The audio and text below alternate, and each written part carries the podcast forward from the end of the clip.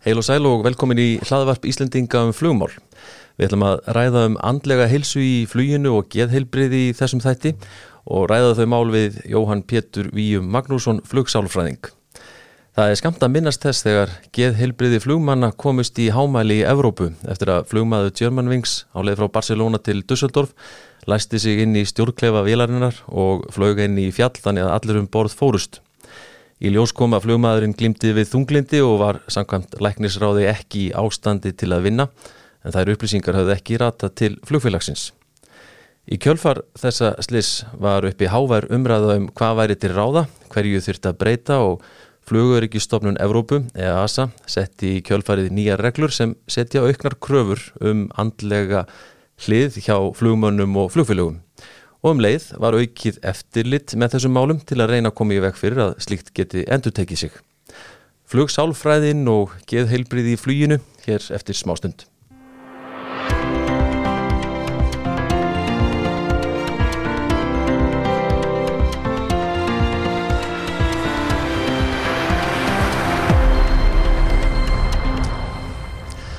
Hann er mættur í flugverfið Jóhann Pétur Víum Magnússon, flugsálfræðingur, verður velkominn. Góðan og blessaðan daginn. Eh, til að byrja með, ert þú eh, einn örfára á landinu sem ber þennan titil?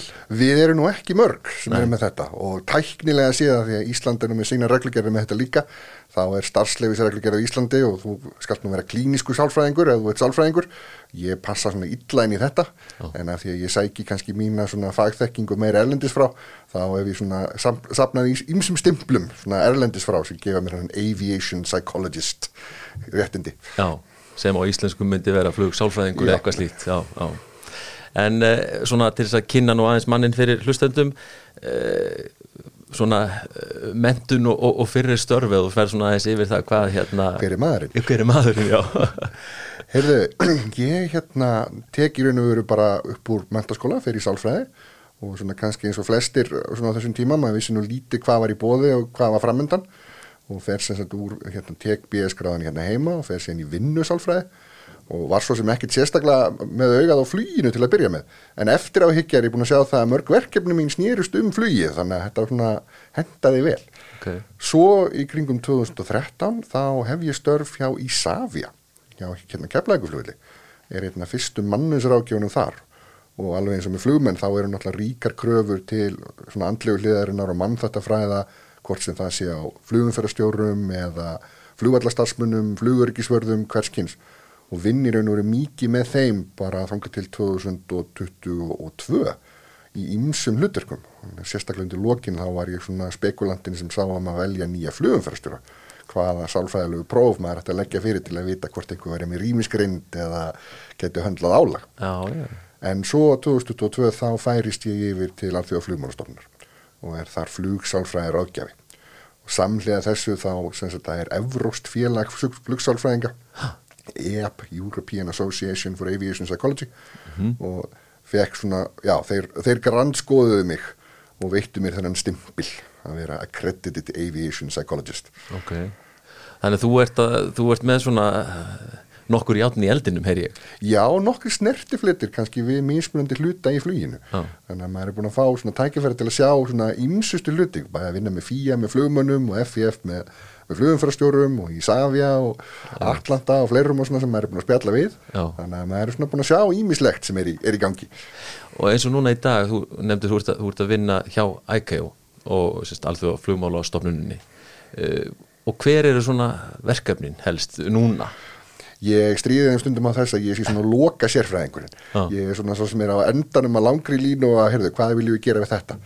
En er aðalega svo sem bara veita í raun og veru álit og skoða það rannsóknir sem er í bóði og ráðleggja þá í raun og veru allþjóða flugmálastofnun varðandi þau atriði sem snúa að flugsálfræði, þá handlegu heilbriði, flugmanna, flugumfærastjóra, hverskins þessa safety sensitive personnel mm -hmm og þetta, þetta er mjög vaksandi málaflokkur og það er búið að vera mikil umræði kringum akkurat svona kannski mikilvægi þessa þáttar og hvernig við svona kannski komum við meira svona, meiri fókus á þetta innan innan flugsis Akkurat.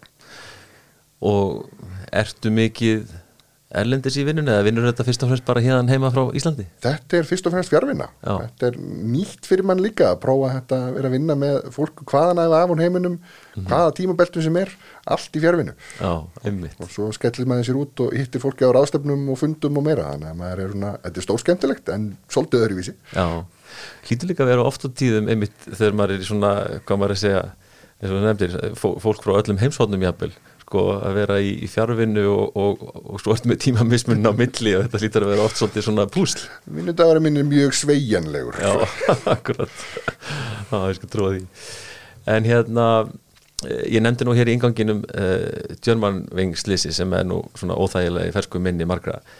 En, en sko, það er ekkit nýtt í rauninni að það hafi verið kröfur um svona andlega heilsu þeirra sem starfa við flugið Nei, það er alveg rétt. Þetta hefur verið haldið eða bara svolítið hönd í hönd bara því sem næst bara frá byrjun flugs. Og flugsalfæði kannski búin að vera svolítið ákveðin falin sérgrein og poppar svona aftur upp í kringum Germanings en það er þetta rekja í raun og veru flugsalfæði alveg aftur til 1919-1920 þegar það er verið að finna þessa fyrstu flugmenn. Og það er svona verið að koma staði í grunn, svona kannski alveg í kjarnan, það get ekki alveg allir gert þetta og þá verður spurningin, heyrðu, hvernig finnum við fólki sem gerir þetta, hvað er það sem skiptir máli, af hverju skiptir þessi þáttur máli fyrir það hvort þú getur orðið flugmaður eða ekki? Já. og svo bætist á setna hvað er það sem skiptir máli fyrir að vera flugumfyrstjóri, fyrir að vera flugliði, fyrir það að vera flugvallastafsmaður en svona alveg í grunninn þá eru þeir bara að sjá það, heyrðu, sumi bara höndlega ekkert að fljúa. Nei, einmitt. Og, og hérna, þetta er bara í annex 1 hérna fyrir mörgum mörgum áratugum sem þetta kemur inn hjá eins og hjá ICAO þá í rauninni eða hvað 1948 er fyrsta útgáfa Annex 1 Já. og þar er talað um þess að nöðsina í raun og veru þegar einstaklingar sem fá þessi fyrstu skýrtinni að þeir séu með rétta neurological bakgrunn og er orðalagi sem nota þá er allt öðruvísi Já. og það er svolítið áhugavert sem að fer í söguna til dæmis þá var mikið verið að ræða það sem heit aeroneurosis Ok. það var hluti sem var mikið umræði þá þá voru þeir að sjá það að sumir sem fór upp í flugvelina þeir bara áttu stundum erfitt með að fara aftur upp í flugvelina setna núna myndum við tala um PTSD og áfallastreitu við myndum ræða þetta allt öðruvísi. Já. þarna bara fannst þeim þetta stórmerkilegt. Það var eitthvað sem gerðist upp í háloftunum og þú fengist eitthvað njúrósíu vildi þessu. Sem að þurfti síðan kannski að vinna úr og, og, já þeir hafði litla hugmyndum það svona einmitt. Þannig að þetta, þeir finna þetta út frekar snemma í raun og veru. Og það er svona bæði læknarnir og sálfræðingarnir blanda svolítið inn í þetta þegar það er verið að sjá, heyrðu, hvað er það sem skiptir máli. Það er svona frægasta sagan sem er svona sögð í mínum kretsum er það í setni heimstöldinu þegar að bandarækjamenn voru að hrúa inn flugmönnum og voru að hendin alveg öllum þá var mikið sko, verið að skjóta það af hverju þeir væri yfir höfuð að prófa fólk af hverju að leggja fyrir grindapróf og af hverju verið að leggja fyrir eitthvað sérstakar svona mælingar. Þannig að einn daginn það ákveður heyrðu, við ætlum að sleppa því við ætlum að taka bara allar sem sækjum sem eru næstir í röðinni. Við ætlum að láta það að taka prófin en við ætlum að hleypa þeim bara inn í röð bara fyrstir koma fyrstir fá. Okay. Og tóku inn þennan, man ekki hvað sko, þetta voru 700 manns, þetta er svo rosalega tölur. Það sem bara hver sem er að komið er það var aldrei jafn mikið fall eins og í þessum hópi. Það var aldrei jafn, slísatínin var aldrei herri Nei. heldur en hjá þessum hópi. Og þið sáu það bara akkurat þegar þið skoðuðu tölurna bara að það skiptir máli. Þú þarft að tjekka, heyrðu ertu með svolítið? Og út úr þessu til dæmis kemur þessu umræðum að vera með the right stuff. Já. þá kemur svolítið þetta, heyrðu það, er eitthvað þarna, það er eitthvað sem skiptir máli. Við þurfum að finna út hvað það er og við þurfum að eða smá tíma í að fatta hvað það er. Mm. þarna koma læknarnir inn í þetta. Heyrðu, ertu með ekki bara líkamlega helsun og passar henni í kokpitin, þú veist, getur hrefti heldur, er eitthvað þú veist, ertu með eitthvað í kollinum sem þýðir það að þú mynd virki í þessu starfi? Já, einmitt. Og þetta er náttúrulega, við sjáum þetta bara í hérna má segja kannski eins og intökuprófum hjá flugfélögum í dag og, og svona þetta er oft heilmikill prósess með alls konar eins og nefnir prófum í hinn og þessu. Já, brandarinn sem við notum til dæmis er þetta, það vilja allir meina það að þeir séu góður í rýmiskreind Já, en þú raunverulega veist það ekkert. Þá kom einhverju vittlisingar eins og ég og leggja fyrir einhver próf og púsl og meira og segja, já, þú ert, þú ert með fí- fína rýmiskreind þú ert með slappa rýmiskreind Já. mikið til að þessu bara fólki, jú, jú, ég var ábygglega þetta. Ah, við viljum kannski koma staðið því áður. Þetta er einmitt sko, ég var nú ekkit fyrir allt lengu að glugga í bók frá 1965 þar sem var að vera að tala um kröfur til flugumferðarstjóra, flugmanna, flugfrey og allt þetta og, og ætíði talaði um sko hristi, líkamlega og andlega hristi. Mjög gott orð fyrir þetta. Þannig að þetta er búið að fylgja, fylgja þessi lengi. En hérna uh, varandi aftur að þessu djörmansving og slisin og, og svona eftirmálum þess uh, breyttist mjög mikið í þessu regluverki og þá svona hvernig helst? Það breyttist ímislegt en það má segja kannski fyrsta spurningin sem kom upp þarna var að því að fólk held þetta að vera einstæmi þú horfður á Germanwing slissið og þá sagður bara þetta er bara eina skipti sem þetta gerðist og svo fóruður akkurat að skoðu og það eru svo sem, það ber ekki alveg öllum saman um þessar tölur en það er til dæmis mjög góð greining sem er gerð 2016 eftir Germanwings og þá tókuðu bara saman hefðu, þeir líti ekkur 50-60 ára aftur í tíman mm. fundu 70 tilvik þar sem að flugmaður í raun og veru fram til sjálfsmorð með flugvelinni og fundu 13 tilvik þar sem að flugmaður vísvitandi grandar flugvel með farþjóð mm. og þá var í raun og veru samlega þessu líka þá var, heyrðu, þetta er raunverulegt atrið sem við þurfum að skoða, þetta er ekki bara eitthvað one-off sem gerðist algjörlega einu sinni mm -hmm. svo er þetta að tala um önnuslýs eins og ég þjópi á sveipuðum tíma þá var þessi umræð, heyrðu við erum búin að sjá það meira meira, við erum búin að leysa mikið af tæknivandamálunum, ferlisvandamálunum andlegi hliðin, flugmaðurinn sjálfur mm. og þessum alltaf jörðinni er ennþá það sem skiptir máli. Og hvað þurfum við að gera til að tryggja það að þeir séu öryggir í þessu hlutverki? Og þá byrjar akkurat þessu umræða. EASA krefst náttúrulega þarf að svara. Í kjölfarslýsins þá þurfum þeir að svara í raun og koma með að, breytingar. Þeir fara í hérna túbásun cockpit, það var dæmi á tímabili. Uh, þeir fara í mikla umræðu við hérna European Cockpit Association EAP uh, og fleiri. Hvað er hægt að gera til að tryggja það í raun og veru? Við sem að gera þetta.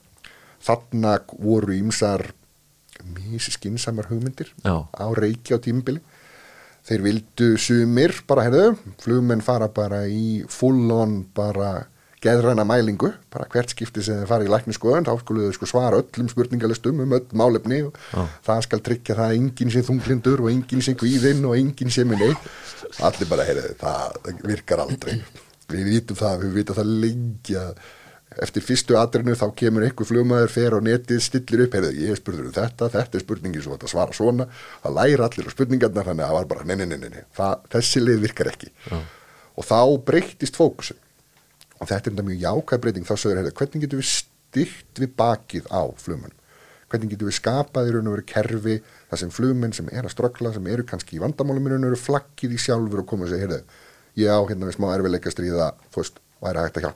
og þetta hefur, sumir sagðu þetta væri, það væri svo mikið stigma, það væri svo mikið fordómar en aðrir bentur alltaf líka rétt í lág og alltaf flugmenn voru í þeirri óöfunnstöðu stöðu að þeir sögðust frá einhverjum andlegum veikindum, þá göndu þau bara mist skiptunni sér og mist lífsviðu væri. Mm -hmm. þannig að þessi umræða byrjar svolítið, heyrðu, hvernig breytu við svolítið þessum fókus, hvernig breytu við hvernig við tölum um andlegu hlýðina, andlegu málefnin? Hvað getur við gert til að styðja við bakið á þeim sem eru þegar komin í flugið og svo genguðu skrefinu lengra og sögðu, heyrðu, við viljum líka þeir sem koma nýjir inn í flugið að þeir séu aðtöðið hvort að þeir séu rétt í kaliberin í fólk í, í þetta starf. Það var svo sem ótrúlega mörg flugfélag höfðu þegar gert það en bætti þessi krafa við þannig að nú er það skýrara að þessi krafa er svo bættist þetta líka við ákveðna kröfu varðandi alkohol og fíknefni, varðandi hvernig þið voru að prófa fyrir þá hvenar mm -hmm. þannig að þetta var svona fjö ímis atriði sem þeir tóku en umræðan byrjar líka þannig þetta hvernig sköpum við bakland og þannig byrjar svona helsta umræðin í Evrópu um jafningastöning jafningastöningur hafi verið til staðar sérstaklega í Þýskalandi en þannig kemur krafan, það skulle vera support network fyrir flugmenn og EASA setur þetta bara sem kröfu í raun og veru mm. EASA raunverulega setur ekki kröfun en þetta skulle vera jafningar Nei. þeir setja bara í raunverulega reglgerinn að segja að það skal vera eitthvað svona bakland, eitthvað stuðningsdæmi helst jafningar og svo er ástæðir fyrir akkur það er mm -hmm. en þarna byrjar mikil umræða og komur nokkuð á flug þegar að COVID skellu síðan á Einmitt. og þá náttúrulega breytist fókusin mjög fljótt en það er svolítið magnað akkurat að það má segja en svo mjög fljótlega koma þér aftur að heyrðu COVID er að hafa áhrif á andlugur hérna líka. Er heilan ringa mjög stundin tíma. Fyrst að bara, nei, allir er bara aðmygg sem er að vera með vinnu. Já. svo komið, að, ah, heyrðu, hmm þetta er ekki alveg svona einfalt. Nei. þá byrjar setni umræðan um heyrðu, andlega líðan flugmanna á tímum COVID. Akkurat. Koma kannski aðeins betur því og eftir en, en þess að segja þetta, það verður náttúrulega fótur og fyrt þarna eftir á og eins og þú nefndir sko, með þetta, þessa kröfu um alltaf tveir í koppitinu í flutundarklefanum það var svolítið svona bara verðum að gera eitthvað og eitthvað strax. Er það ekki? Ég ekki að svara fyrir hönd EASA nei, nei, nei, en ég veit alveg að þetta er, þetta er vandamál oft með reglugerðir í raun og veru vegna þess að náttúrulega þú horfir á forsöguna þá náttúrulega var hurðin inn í kokpitin styrt í kjölfart september 2001 sem að gerir í raun þetta slís að vissuleiti einfaldara fyrir flugmannin að læsa allúti þegar mm -hmm. það búið að styrkja þetta mm -hmm. svo gerist þetta, þannig að stundum fara reglugerðarna pínlítið í ring Já. en ég skil eh, Evropastofnun mjög vel í þessu að, að vilja bæta og breyta til þess að skapa örgi og svo skapast bara reynsla með tímanum hvernig þetta virkar mm -hmm. Og þessi, þessi jafningja fræðsla sem við getum kallað peer support sem er, er komið bara inn í reglurna núna erum en að sjá það að þetta sé að virka? Já, þetta er við erum að klára núna stóra rannsókn hérna þar sem við tókum viðtöl við mísmunandi jafningja program hvaðan að var heiminum og rættum ekki bara við flugmenn, flugumfærastjóra flugliða, mekka og fleiri og svona vorum að sækjast eftir hvað, hvað hefur virkað, hvað ekki þjóðverinn er æðislegur fyrir GDPR þá voru þeir alveg herðu við ætlum ekki að gera þetta nema við séum vissir um það að þetta virki. Það var bara sest nýður og skoða hér eru veikindadagar með jafningastöðningsforöndi, hér eru veikindadagar án jafningastöðning, hvað munar hérna, hvað sparar þetta mér í þýskum mörgum þeir bara síndu bara svart og hvítu, bara sama hvernig snýrið þessu lufthansa bara, neini, þetta borgar sig. Á og hérna þíska flugmálastjórn gekk skrefnin lengra og sagði já já hver, hver króna sem ég eigði í þetta hvað fæ ég marka tilbaka og já já reyna múti eitt þísk mark múti 4,3 þannig að þeir voru bara búin að rekna svona þetta er góð fjárfesting þetta skila mér svona miklu. Þannig að alveg ótrúlega vel gert hjá þeim. Svo kom GDPR og það var aðeins erfiðar að fylgja þess eftir. GDPR er, GDPR er persónuvendarreglugræn og það var miklu erfiðara að fylgja eftir eins og veikindadögum og þess aftur hjá fyrirtækjum þegar þú varst í raun og veru máttir ekki tengja neitt saman. Já, já, já, og mörg, mörg af þessum prógumi, sérstaklega þessi eldri sko, þau, þau meiga í raun og veru ekkert halda neitt rosalega dítelt upplýsingar um fólk vegna þess að það átt að brjóta persónuvendalega en um leiðu þú mátt ekki vera með einhver upplýsingar um fólki sem aðstóðar þá er rosalega erfitt að segja herðu við aðstóðum svona marga í þessum málefnum um þetta. Mm -hmm. þannig að þetta er oft svona svolítið aðeins balansingatriði þjóðverðarnir náttúrulega bara gerður mjög skinnsama leið út úr þessu.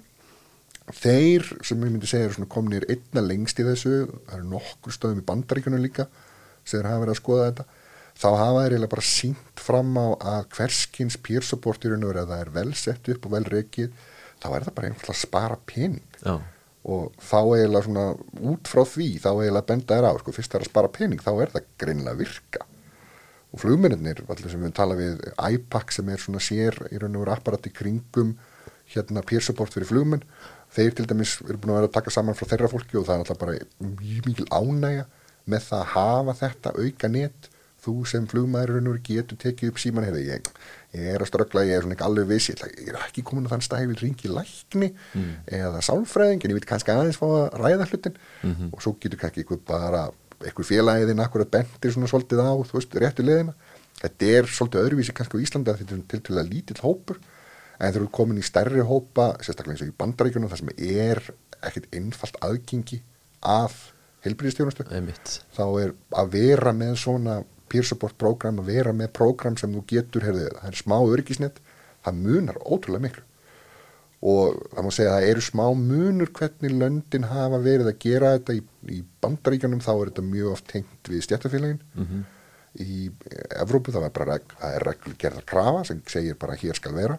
Svo eru nokkur svona hérna, national program sem er bara hver sem er hvaðan að væða landinni í hvaða hlutverki má taka upp síman og ringja bara í þeirra hotline. Meiti í Ítalja hérna, meiti í South Africa stiftum meiti í Þískalandi eh, sambarlegt í Hong Kong til dæmis líka þannig að þá er, þá er einhvers konar venju fyrir flugmenn og núna líka bara fyrir flugliða, fyrir flugumfærastjóra fyrir meiri Nei, til þess að geta heyrðu, ég er aðeins í smá ströggli og þarna er vantarlega sko líkil atrið að að menn, menn treysti ferlinum sko. Að, að, að þú eins og þú er búin að koma inn á að þú eigir ekki að hættu að hérna þó að þú komir með fram með þín vandamál eða slíkt að, að það þýðir bara um hælað hérna skýrtinni sé hérna í lausu lofti eða, hvernig sem það er? Tröstið er rosalega mikil umræði þessu. Já. og jafning, með því að vera með jafninga þá ertu aðeins að skapa sjálfkrafa tröst mm. og það eru mismunandi skoðanir hvað jafningin má taka, hvað það má ræða.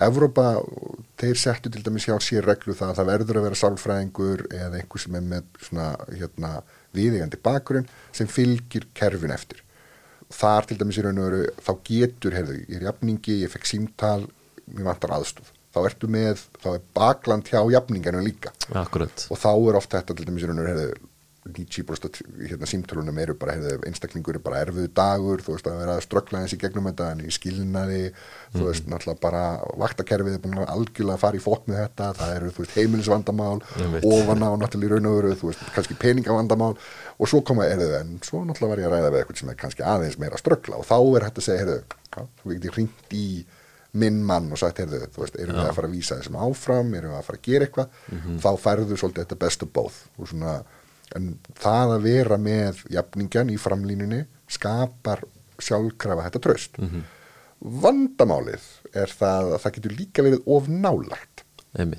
það er til dæmis uh, horfum svolítið um flugumfærstjórna það eru náttúrulega, um, á Ísland eru 150 mann cirka í raun og veru sem eru flugumfærstjóra það er, þú tekur ekkert upp síman og ringir í eitthvað jafningi sem þú þekkir ekki. Þetta er, þetta er allt í raun og veru aðeins of náið. Já, og þarna til dæmis í raun og veru þá hafa þeir oft aðeins aðra nálgun þá fara þeir til dæmis meira í struktúr eru samtali kringum áföll sem er önnur tegund af jafningastöningi þannig að svona aðeins mismunandi útfæslur eftir starfsóknum mm -hmm.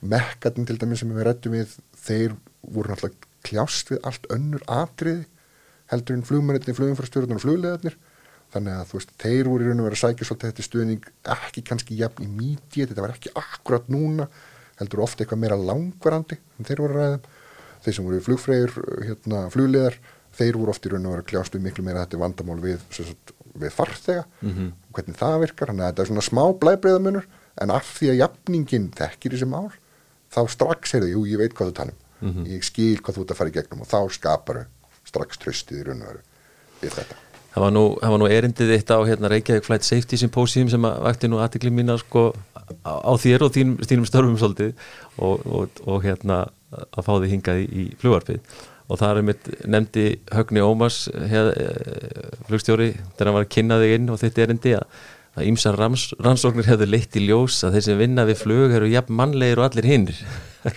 og á þeim dynja sömu áföll og, og hverjum öðrum sem að menn geta átt vona á lífsliðinu Þetta er, þetta er ótrúlega oft hvað þessi staðrind er í raun og veru hérna, dregin fram. Það er hérna research has suggested that pilots are unequivocally human.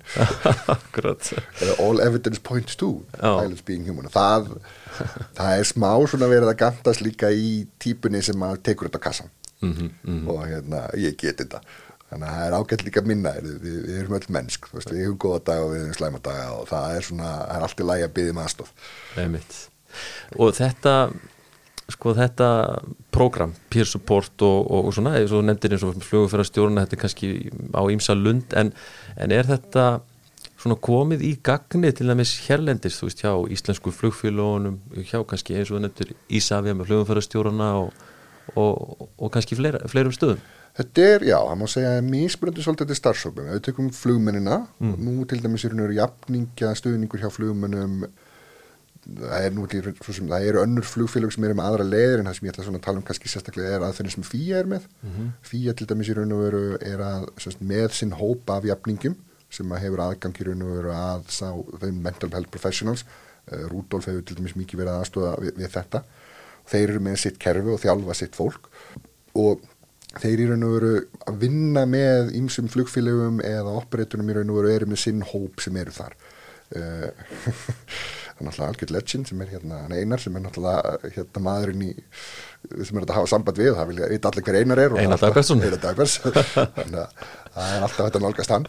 En það kerfi er komið upp. En þetta er svolítið áhugavert nefnilega því að peer supportið í raun og veru kemur upp akkurat svolítið á sama tíma á COVID og þá var spurningin, heyrðu, verður meira álag á peer-supportið eða minna? Nú eru margir akkurat sem eru minna að fljúa, svo var það vel meira að fljúa þannig að mörg prógram í raun og veru byrjuðu, settu svo svolítið í starthólunar og svo kom bara ekki símtöl.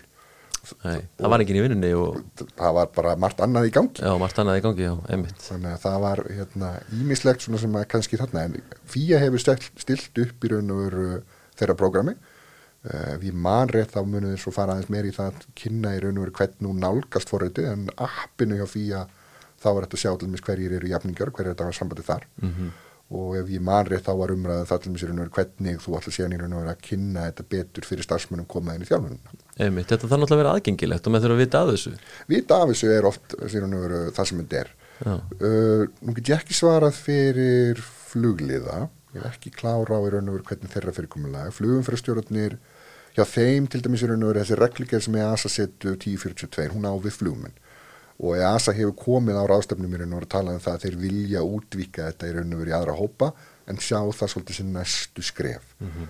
uh, flugum fyrir stjórnarnir hins vegar fallundur aðra regliger, 373 regligerin og svo regliger setur kröfu um jafningastöðning í formi það sem þið kalla SISM Critical Incident Stress Management sem er þeirra í raun og veru ja, sem er þessi áfalla hjálpar leið sem er oft fundin innan flugsinu og ef, í raun og veru er hún er oft undir formekninni SIRP hjá hérna, bandaríkjamannunum Critical Incident Response Program bæði hjá flugliðum og flugmönnum. Þannig að þetta er svona líka komið en ég bara sé þetta sem kröfu hjá flugumfærstjórnum en þetta er svona byrjað að púsla svolítið inn. Mhm. en þú sér það líka til dæmis sko EASA hefur verið að færa sig meir og meir í áttina að setja hverskins í raun og veru kröfur til operatora til flugfélaga til flugleðsöguveitanda um akkurat, heyrðu, þú skalt huga að andlegu hlýðinni uh, regligarinn hjá flugumfærstjórnum snýst til dæmis um streit og þreitu, nú er þreita til dæmis í raun og veru oft dregin til dæmis inn í hjá fatigue management hjá flugmennin líka.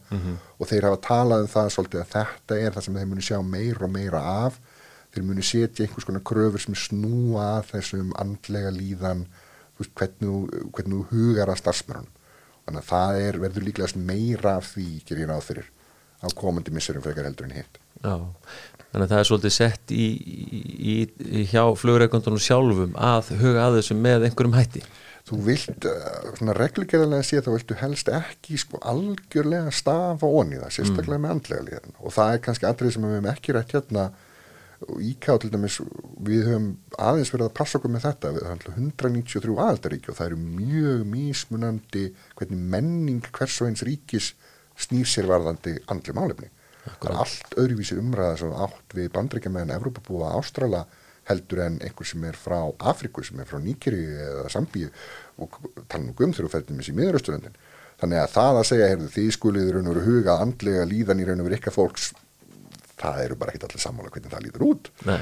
og það eru menningar munur í raun og veru hvernig þú átt þetta samtal. Það er mjög eftirminnilegt til dæmis í raun og veru Japanar sem að hafa sína einn í raun og veru menningi kringum þetta. Þeir til dæmis byrjuði að stilla upp jafninga hérna formi.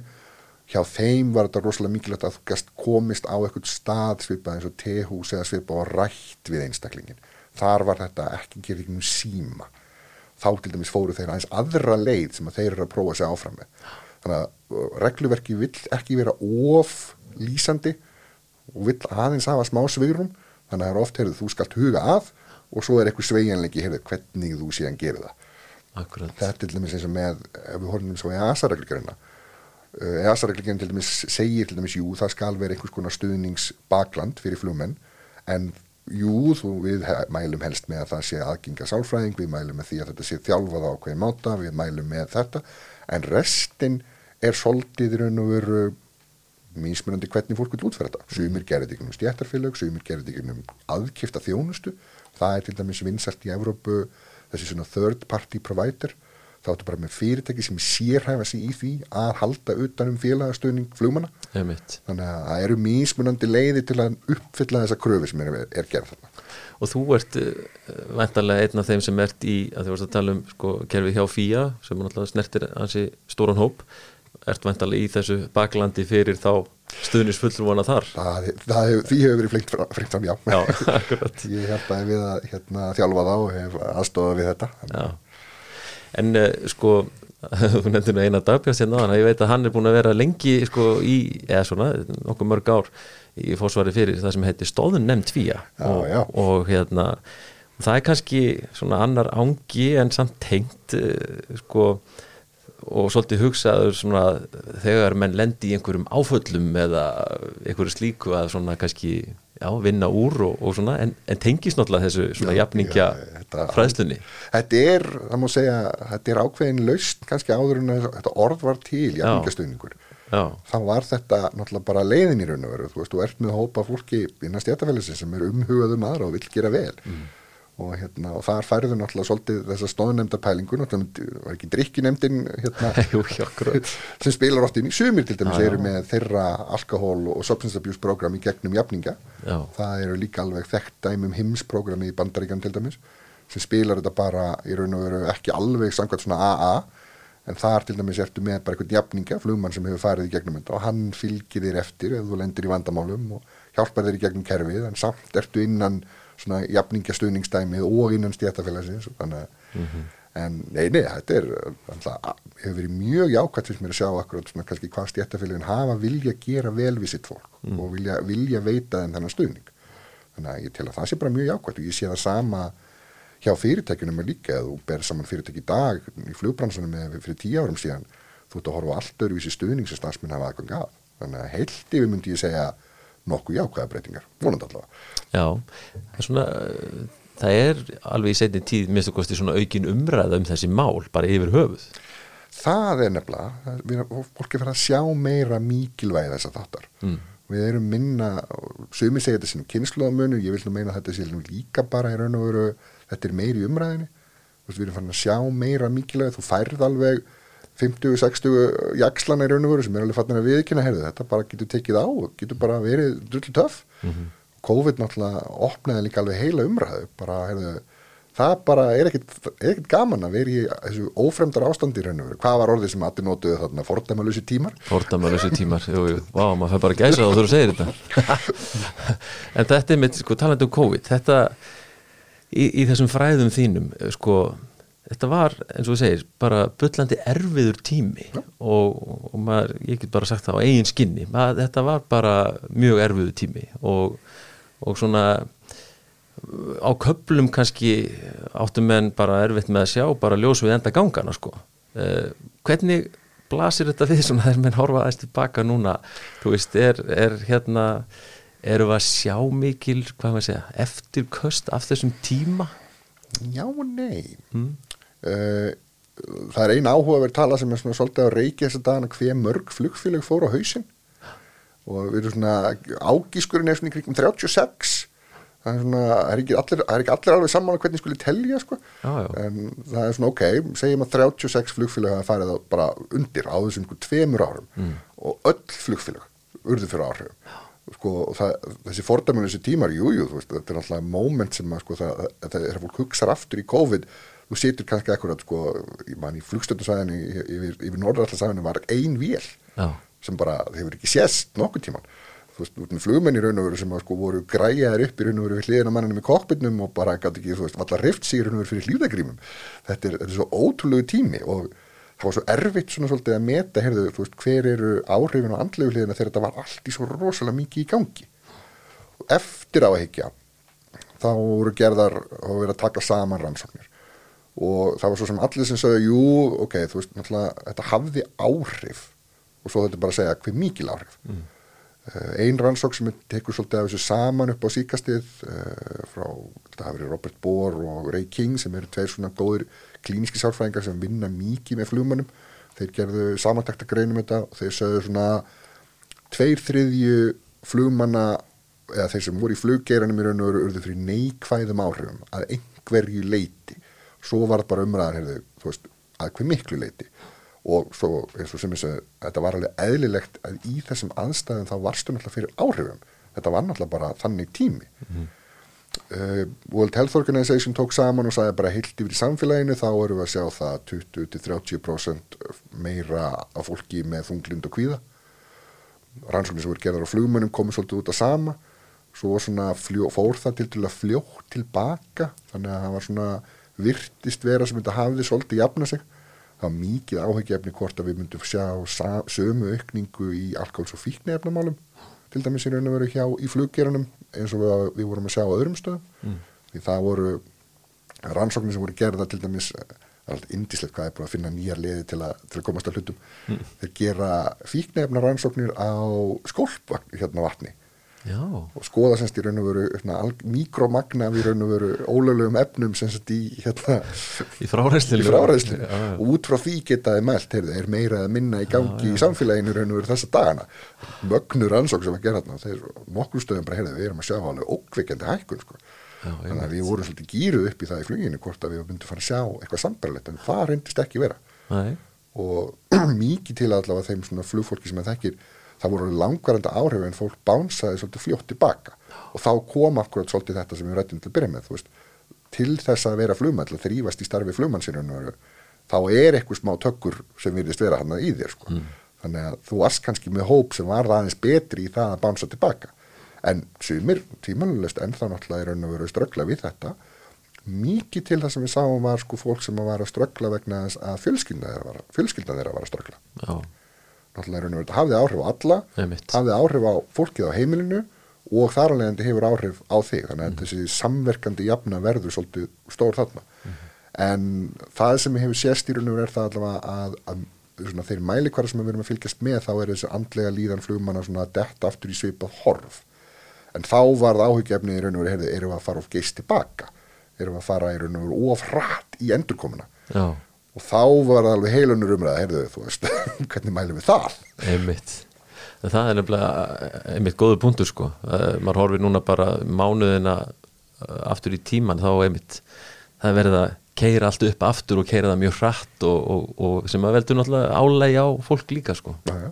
Ofið að van þetta er, það er þessi blessaði bransi þetta er alltaf ímist í öklega þeirra. En það var einn, uh, Karín Stadler heitir hún, hún er hérna, hún er frá Suður-Afriku og hérna hefur unni mikið með hérna uh, miðausturlanda flugfélögum og hérna hún misti vinnuna í COVID leitt og við erum ákveðið skunningar og hún segði þess að í raun og veru, heyrðu, sá svolítið þetta, heyrðu, hvað getum við gert til að stiða bækur flugmenn? Og fór meðal annars að skoða sko hvað áhrif þessi sko sótt til dæmis hefði á flugmenn. Og hún, fókusin hjá henni til dæmis var það, það var bara einn af erfiðar í bitunum sem að flugmenn náttúrulega fór í gegnum, tala nú ekki um mínu stóra heimi.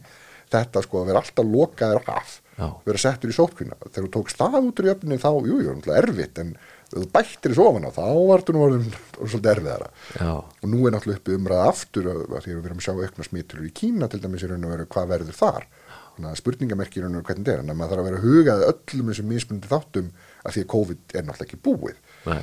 Þannig að og svona eins og segja hvaða mismundi þættir hvaða rullu þeir spila, spila inn í þessu öllu saman. Þarna var mikil menningamönur veit ég meðal flugmanna að þeir sem voru í hérna, bæði með Östurlundum og í hérna Asju þeirra vinnu umhverfi var allt öðruvísi í COVID-tífambilinu sérstaklega núna síðkastið heldur en búið að vera í Evrópu og Ameríku þar var miklu fljótar í raun og veru verið að draga úr hömlunum og hindrunum í raun og veru. Það var fljó, fyrr farið aftur svolítið í hérna rútinu á meðan að ég veit allavega til dæmis uh, held að þessi hjá Cathay í Hong Kong. Þá er bara mikil umræðan það bara af því að það var svo rosalega grimm um, stránga reglur varðandi sótkví, varðandi þú skalt sko í raun og veru að halda þig bara hérna. Að þetta var bara orðið verulega erfitt fyrir flugmannahópin já vera alltaf í raun og veru bara lokaðir inn í hótelherbyggjum og áttur ekki sjáni Nei, akkurat, er kannski sótkví sko heima hjá þeir í rólihittum er annað heldur en sótkví eitthvað staðar í Hóteli. Já, einhverjum gámi eitthvað staðar í, Hongkong sko, eða eitthvað, hvað er það hann er Já, þetta er þetta verður sjálfsagt rannsóknar efni áfram og hérna, um alls konar að vinna út úr þessu eins og segir, þetta er ekki eins og búið. En e, svona talandi um aðeins sko áföll og þá kannski svona slís eða incidents og svona e, hefur það mikla þýðingu að það sé unnið úr slíku og það sé gert svona á einhverjum tímarama til dæmis Þetta er mjög góð spurning sem er kannski ekki einfalt svar við en ég ætla að vitna í þjóðverina, þeir eru aftur meistararnir í þessu.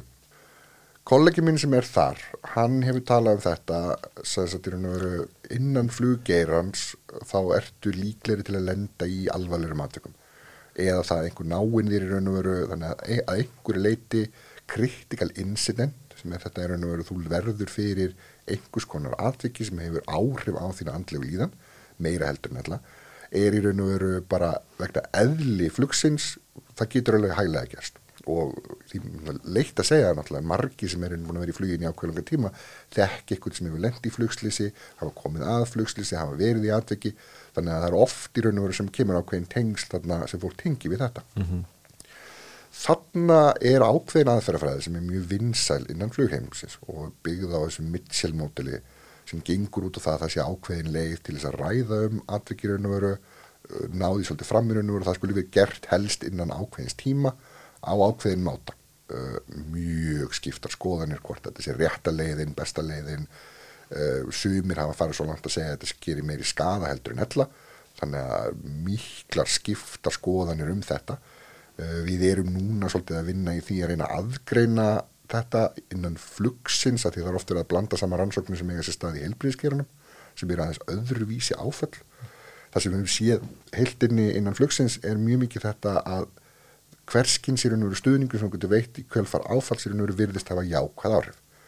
Tölfræðin sem mér er sagð er þetta að ef þú lendir í þessu critical incidenti og það er enga aðstóð, bara algjörlega bara einhverju lendir í þessu, tekur út á kassan og þarf að kljást við þetta sjálfur, mm.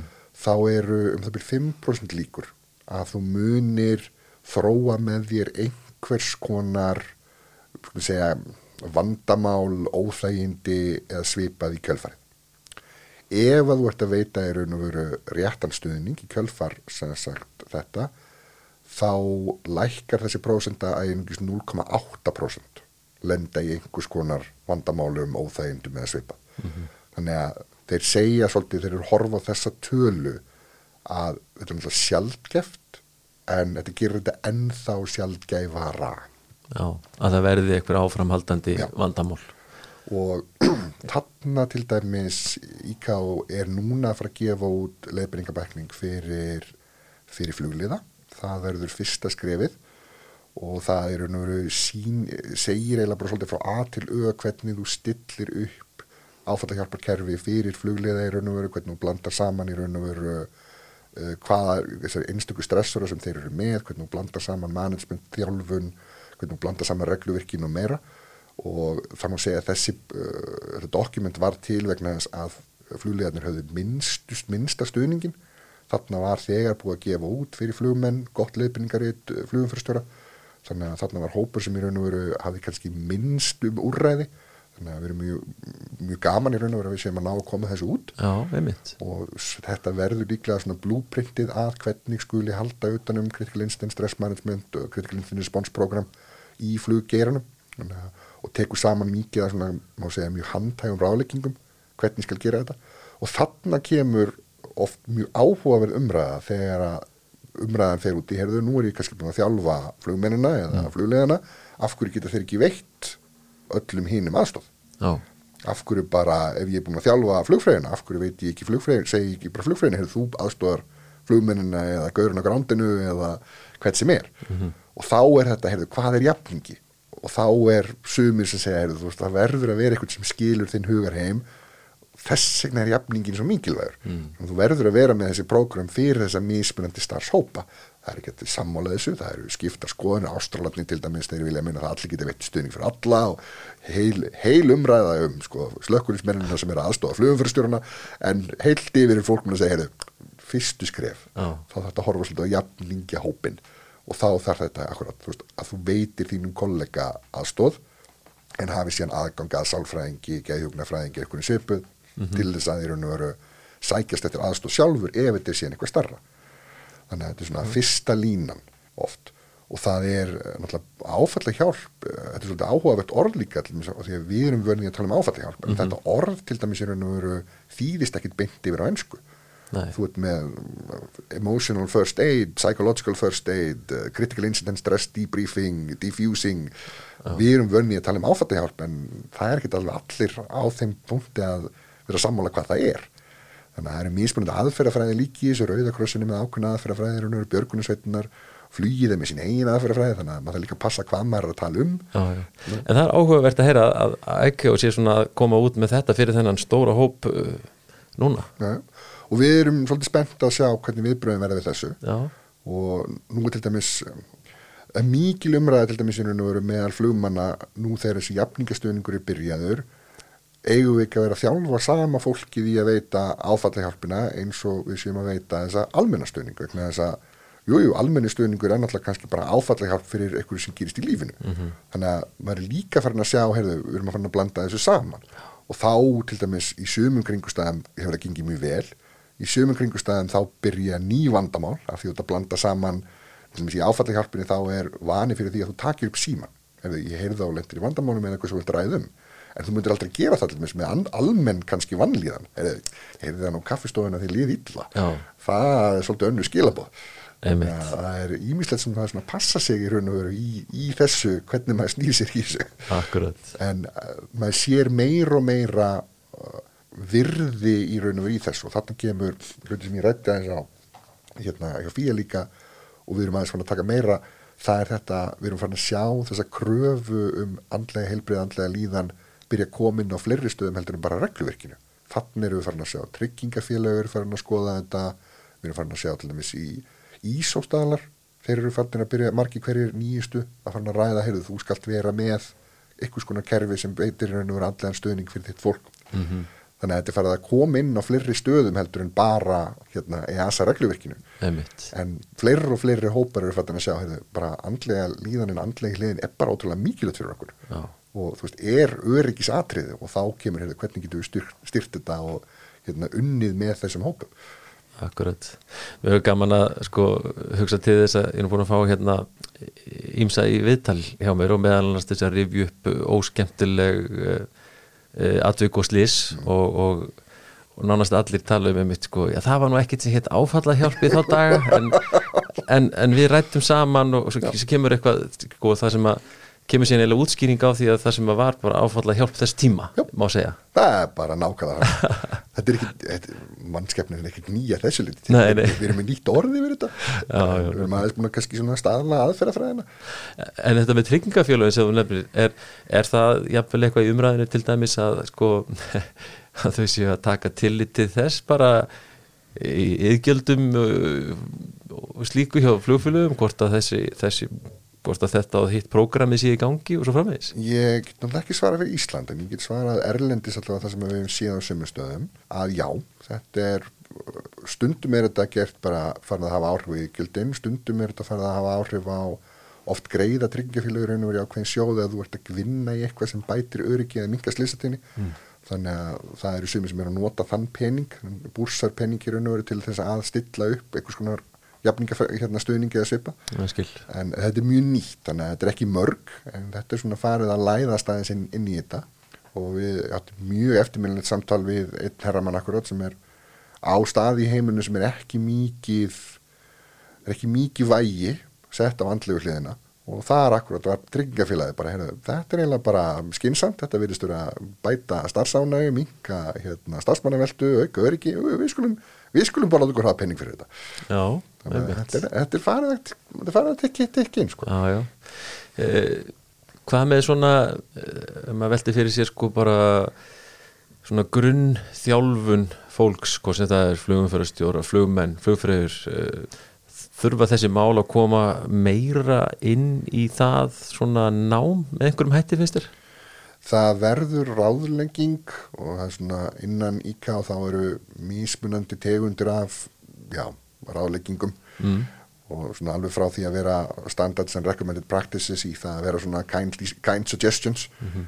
og á, það er skjál sem er í vinslu sem að mun koma út núna 2023 ef allt gengur eftir og þar er svolítið verið að tala um þetta til dæmis að það sé ákveð gildi, ákveðin valjú í því að þú þarf kannski ekki að þjálfa alla upp í áfallahjálp eða jafningastöningi en það getur verið skinsamt í raun og verið ekki bara að koma þessu inn sem í raun og verið almenna þjálfun heldur líka að koma stjórnundunum inn í svo þeir viti hvernig þetta virkar. Þannig að þar kemur held ég suggestion held ég þetta heiti um það að mörg uh, fyrirtæki hafa sé valjú í því að gagnast af því í raun og verið að setja þetta inn þannig og þá ertu oft í raun og verið með, með stjórnundu sem að vita þá heyrðu ég veit hvaða úrræði ég hef fyrir mitt fólk í raun og vegna þess að ég veit hvað jafningastuðningurinn er eða áfallahjálpin eða eins og í sumum stöðum þú veist hvað er í bóði þá í alkohols og fíknefnamálum eða í professional standard sem er á sumum öðrum stöðum. Þannig að þetta er svona að er aðeins farið að útvíkast svolítið þetta húttak Ég maður eftir því sjálfur þegar maður var að læra til flugmassir fyrir margt löngu sko, það var allavega fag sem að héttar Human Factors in Flight Mannþáttafræði mannþáttafræði, já. Er eh, alltaf verið mjög óheppileg þýðing Já, einmitt. En já, en mannþáttafræði náttúrulega er stór hluti í þessu líka Já. og flugsálfræðin náttúrulega nær bæði frá þessu andlega hliðan yfir í mannþáttafræðina og meira og þetta er, þetta er mjög áhugavert svolítið þetta sko allir þessi snertifletir milli mannskeppnunar og hérna flugsins það er oft und einhver staðar í human factors bitanum í raun og veru einhver rannsóknari einhver sem er búin að rannsaka, heyrðu þetta er optimal leiðin eða þetta veldur slísum eða þessi leið í raun og veru veldur óanu þannig að það eru fullt af svona snertiflutum hann á milli. Já. en human factors er alveg stór skemmtilegt fag það er alveg margt stór áhugavert. Já, já, já, já, það er ég er til, í tiltölulega ný ég var, hérna, ég var kjörin í stjórn er að kjöra sem í stjórn sem sagt Evróstfélag flugsálfræðinga og ég hef verið kannski svolítið í mínu búblu í bæði þessu raun og andlega lín, hún er komið miklu meiri að, þú veist, akkurat hvað aðrir er að gera í þessu. Og það er akkurat fullt af rannsóknir sem ég vissi ekki um sem hefur hvern og einn tækni raun og veru hver einasta dæjal í vélinni einhver sem er að skoða, heyrðu, er Artificial Horizon hvor leiðin er betri eist, hérna, vesturformið eða austurformið og hvort vilt að snúist með eða sér hérna kjurt og miklar pælingar og einhver búin að rannsaka fram og tilbaka og við þessu indislegt allt og það hefur bara, heyrðu, vissi ekki að vera til. Ég, ég heyri það að þú hefur gríðarinn áhuga á þessu öllu ég er saman. mjög lánsamur að vera í starf og hlutverki akkurat sem að mér finnst oft hver dagur vera bara eitthvað, ú, þetta er spennandi það er frábært. Það er frábært. Og þú hefur ekki, þú hefur ekki samt eh, sko sjálfur eh, leiðist út í það svona starfa beint við flugið sjálfur. Þó ég veit nú að það, er nú aðeins í fjölskyldunni. Já, það er náttúrulega var því miklu húmor þegar að kom í ljós akkurat að ég var aðstóða stóðnefnd tvíja. Og það komst að því að faði minn, Magnús Brimar, var akkurat einn af þeim sem stopnaði tvíja akkurat. fannst þetta vera alveg sérstaklega heppilegt í raun og vera, komið heilan ring. Rúdolf fannst þetta alveg sérstaklega fyndið að ég væri, væri þessu. Ég segi allt brandarinn í raun og vera, ég ætlaði sko aldrei að vinna við flugið, það var sko planið. Og það plan místókst hörmulega.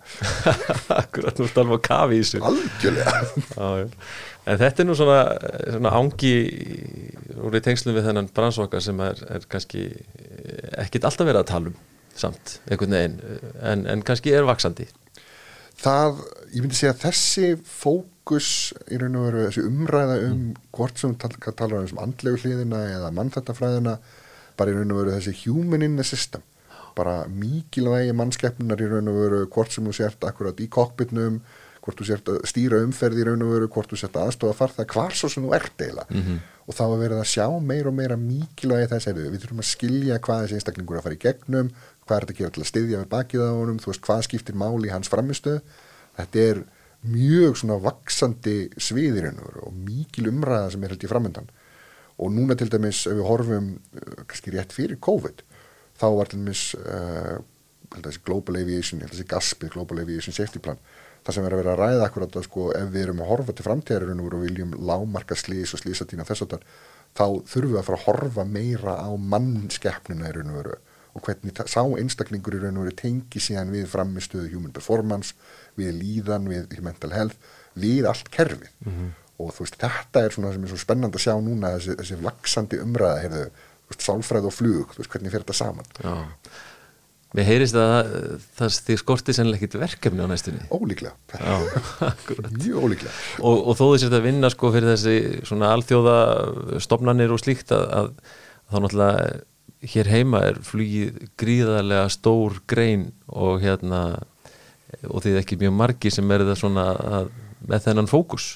Við erum, er erum við að bætast í hópin Ó, já, já. það er nú einhverjir fleiri sem er að bætast við það eru, ég held að við séum orðin þrjú allavega sem erum þá orðin einhvers konar vottun eða viðkynningu frá hérna Evróska félaginu og ég held að þessu tveir eða þrýri viðbúta leðinni þannig að þetta er þetta er, þetta er vaksandi svið Já. og spennandi í raun og veru framöndan Einmitt. þannig að það er, en það er alltaf alveg rétt veist, flug, Ísland og flug þetta er nátengt og við erum í alveg ótrúlega magnari stöðu í raun og veru varandi bara hvað flug hefur verið mikilvægur hlutur bara svolítið af okkar bara tilvist á miklu leiti og hvað Ísland tala nú um þegar maður byrjar að horfa á þetta í starra saminginu hvað hefur verið í stóru hlutverki í raun og veru svona svolítið kannski bara á heimsmæli hvaða Mhm. með eitt af stærri svæðum í raun og veru varandi flugleysuguna með akkurat loftbruna milli Ameríku og Evrópu þannig að er, flugið hefur alltaf verið spennandi þannig að það er. Og sjálfnast lókmólla í kringum það sko. Það er alltaf eitthvað að gerast. Það er líka það sem er svolítið skemmtilegt. En uh, ég held við sé nú búin að svona, rabbum ímislegt já, rappið mjög mislegt, fara vitt og breytt yfir sviðið og, og hérna bara held að sé hérna mála að linni, Jóhann. Bara, takk hérlega fyrir að bjóða mér takk hérlega fyrir að Gott koma spjall. og fyrir spjallum um þessi mál. Heldur sláum það bara botnin hér í þetta og flugvarpið kveður í bili. Þar til næst, góða stundir.